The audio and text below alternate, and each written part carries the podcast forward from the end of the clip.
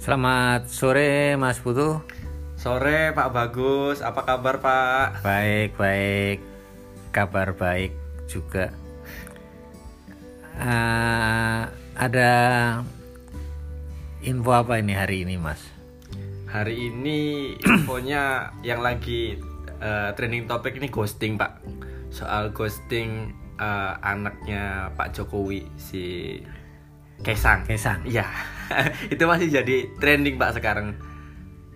Nah, terkait dengan apa ya media sosial. Ya. Ini yang perkembangannya seperti apa sih media sosial di Indonesia terutama untuk kalangan milenial ini kan seperti apa? Kalau perkembangan di Indonesia sendiri sih sebenarnya cukup panjang ya Pak. Mulai dari dulu Facebook uh, yang booming, lalu Facebook itu punya eh, grup-grup uh, apa namanya sendiri. Kemudian dari Facebook ada Instagram. Nah Instagram akhirnya juga dibeli Facebook. Nah dari merger itu kemudian uh, trennya berkembang. Sekarang uh, yang lagi naik daun atau yang lagi banyak digandrungi itu Instagram pak. Karena si Instagram ini sebenarnya multi platform jadi bisa digunakan untuk berbagai macam kebutuhan pak. Tuan ya. Uh, Pak Bagus bisa jualan bisa.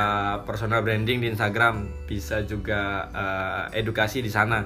Jadi untuk trennya sangat berkembang. Tapi yang saya sorotin di sini soal Instagram yang memang uh, banyak digunakan karena penggunanya sampai tahun ini Pak uh, kalau Pak Bagus mau tahu itu udah nyentuh di angka 69,2 juta pengguna Pak. Wih, itu berarti Instagram tuh multi purpose ya? Iya, multi platform yang tadi saya bilang. Iya. Jadi kegunaannya banyak.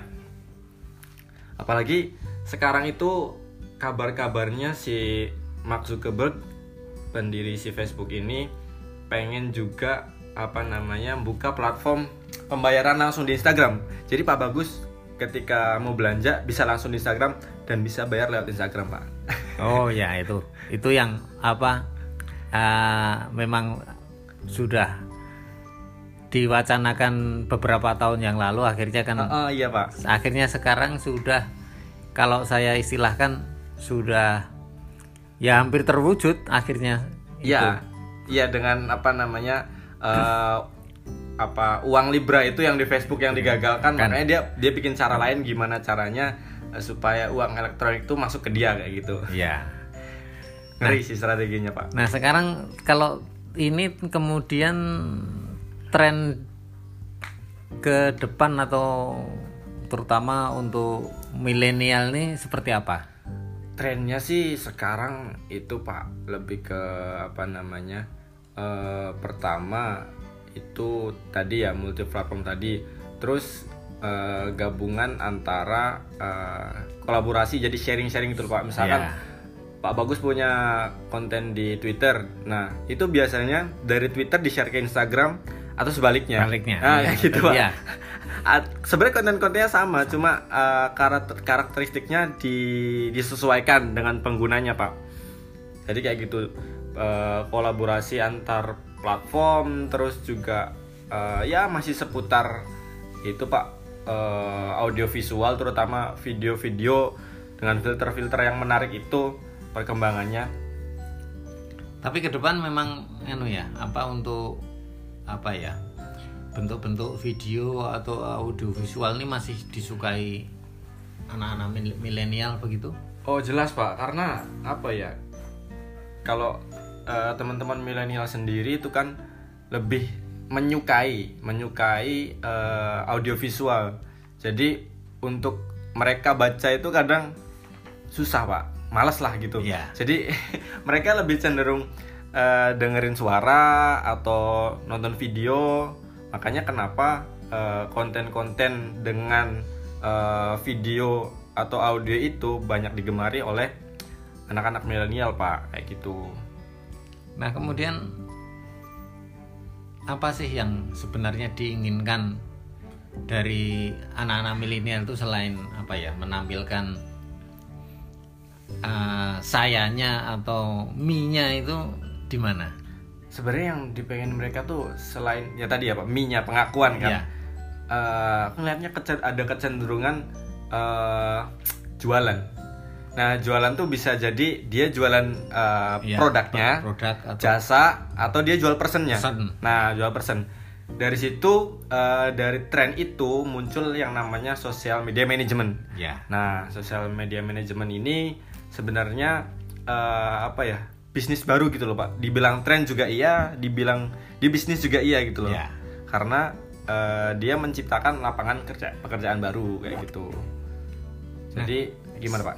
Apa eh, di sosial manajemen ini eh, apa ya nanti spesi- spesialisasinya akan seperti apa Kalau spesialisasinya sebenarnya dia itu bukan spesialisasi ya, Pak. eh, disebutnya, tapi eh, dia itu lebih ke jual jasa. jual jasa jual jasa namanya sosial media manajemen otomatis eh, akunnya itu di manage misalkan Manage. nih Pak Bagus punya toko Ah. ah, punya toko eh, keris misalkan ya Ya. nah toko keris Pak Bagus ini karena Pak Bagus terlalu sibuk eh, ngurusin hal-hal yang lain makanya toko kerisnya nggak nggak bisa di manage dengan baik iya betul Nah, apalagi sekarang era digital Pak Bagus juga butuh pemasaran online kan. Betul. Butuh branding di sosial media.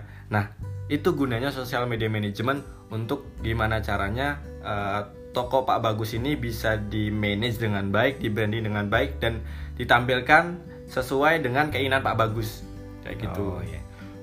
berarti itu yang akan mengerjakan adalah pihak ketiga atau orang ketiga kan Iya, pihak ketiga, Pak. pihak ketiga ya Ah, ah, jadi Pak Bagus eh, minta tolong, kemudian eh, mereka punya tim. Nah timnya itu banyak Pak. Kalau sosial media manajemen itu, jadi kurang lebih ada eh, empat.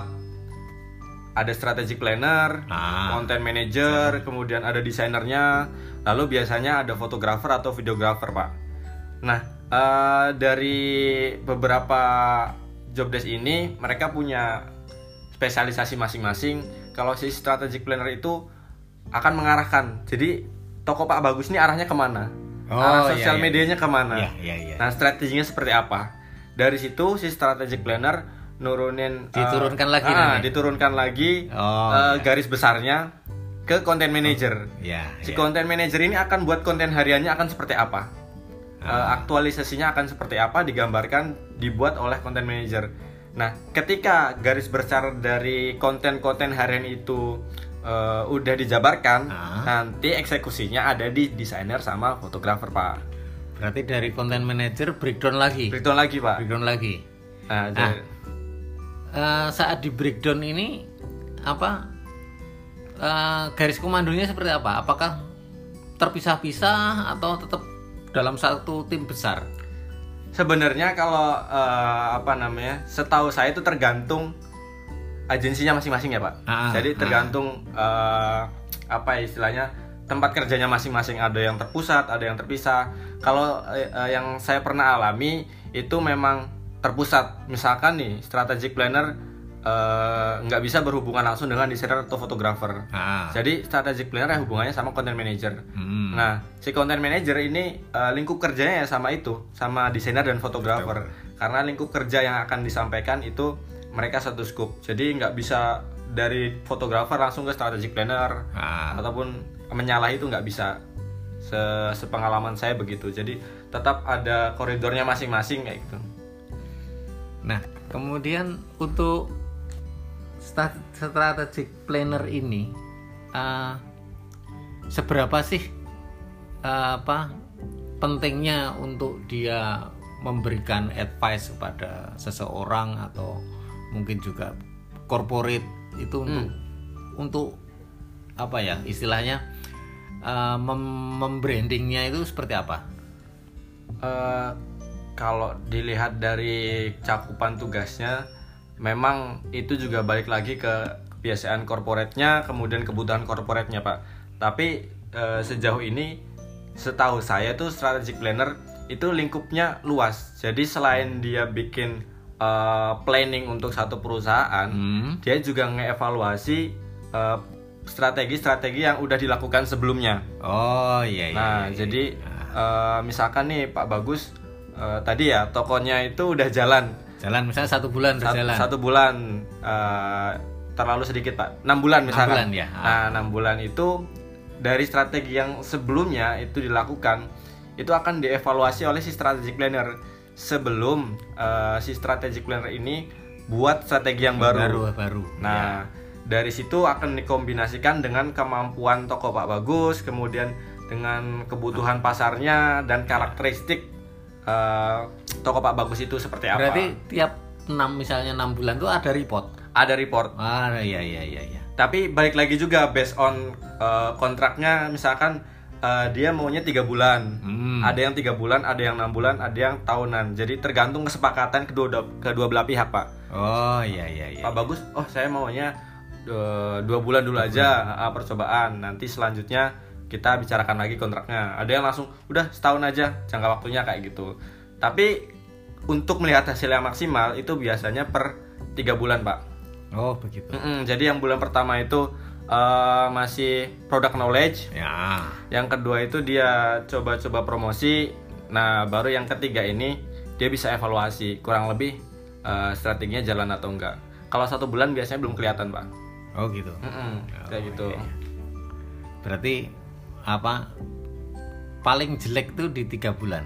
Ya minim itu tiga bulan. ya? Ketika kita pengen tahu eh, si sosial media manajemen ini berhasil atau enggak Ya. atau bekerja atau enggak kayak gitu. Kurang lebih tiga bulan sih pak, biar hasilnya tuh kelihatan maksimal.